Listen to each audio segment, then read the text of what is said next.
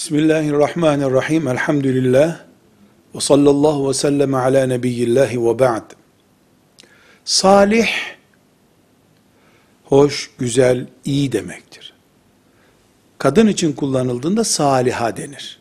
Erkek olduğunda salih, kadın olduğunda saliha denir. Saliha kadın, imanı, ibadeti, kadınlığı, anneliği ve sosyalliği en iyi derecede olan kadın demektir.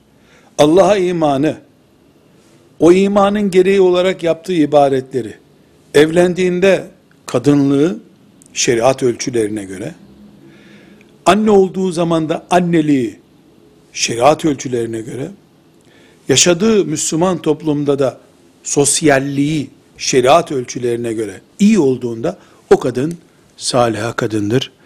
Dünyada açmış cennet çiçeğidir o. Velhamdülillahi Rabbil Alemin.